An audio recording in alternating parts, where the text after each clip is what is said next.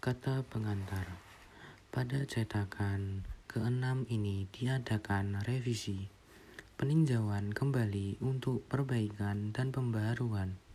Yang diperbaiki di sana sini adalah salah cetak atau kalimat-kalimat bahasa Indonesia untuk memudahkan pemahaman.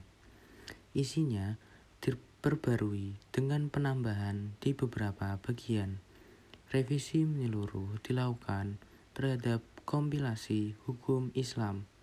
Dengan revisi itu, diharapkan buku ini dapat memenuhi fungsinya sebagai pengantar ilmu atau tata hukum Islam di Indonesia.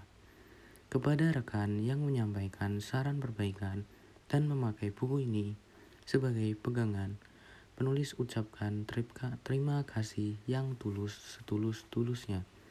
Kepada Neneng juga diucapkan terima kasih. Sekian.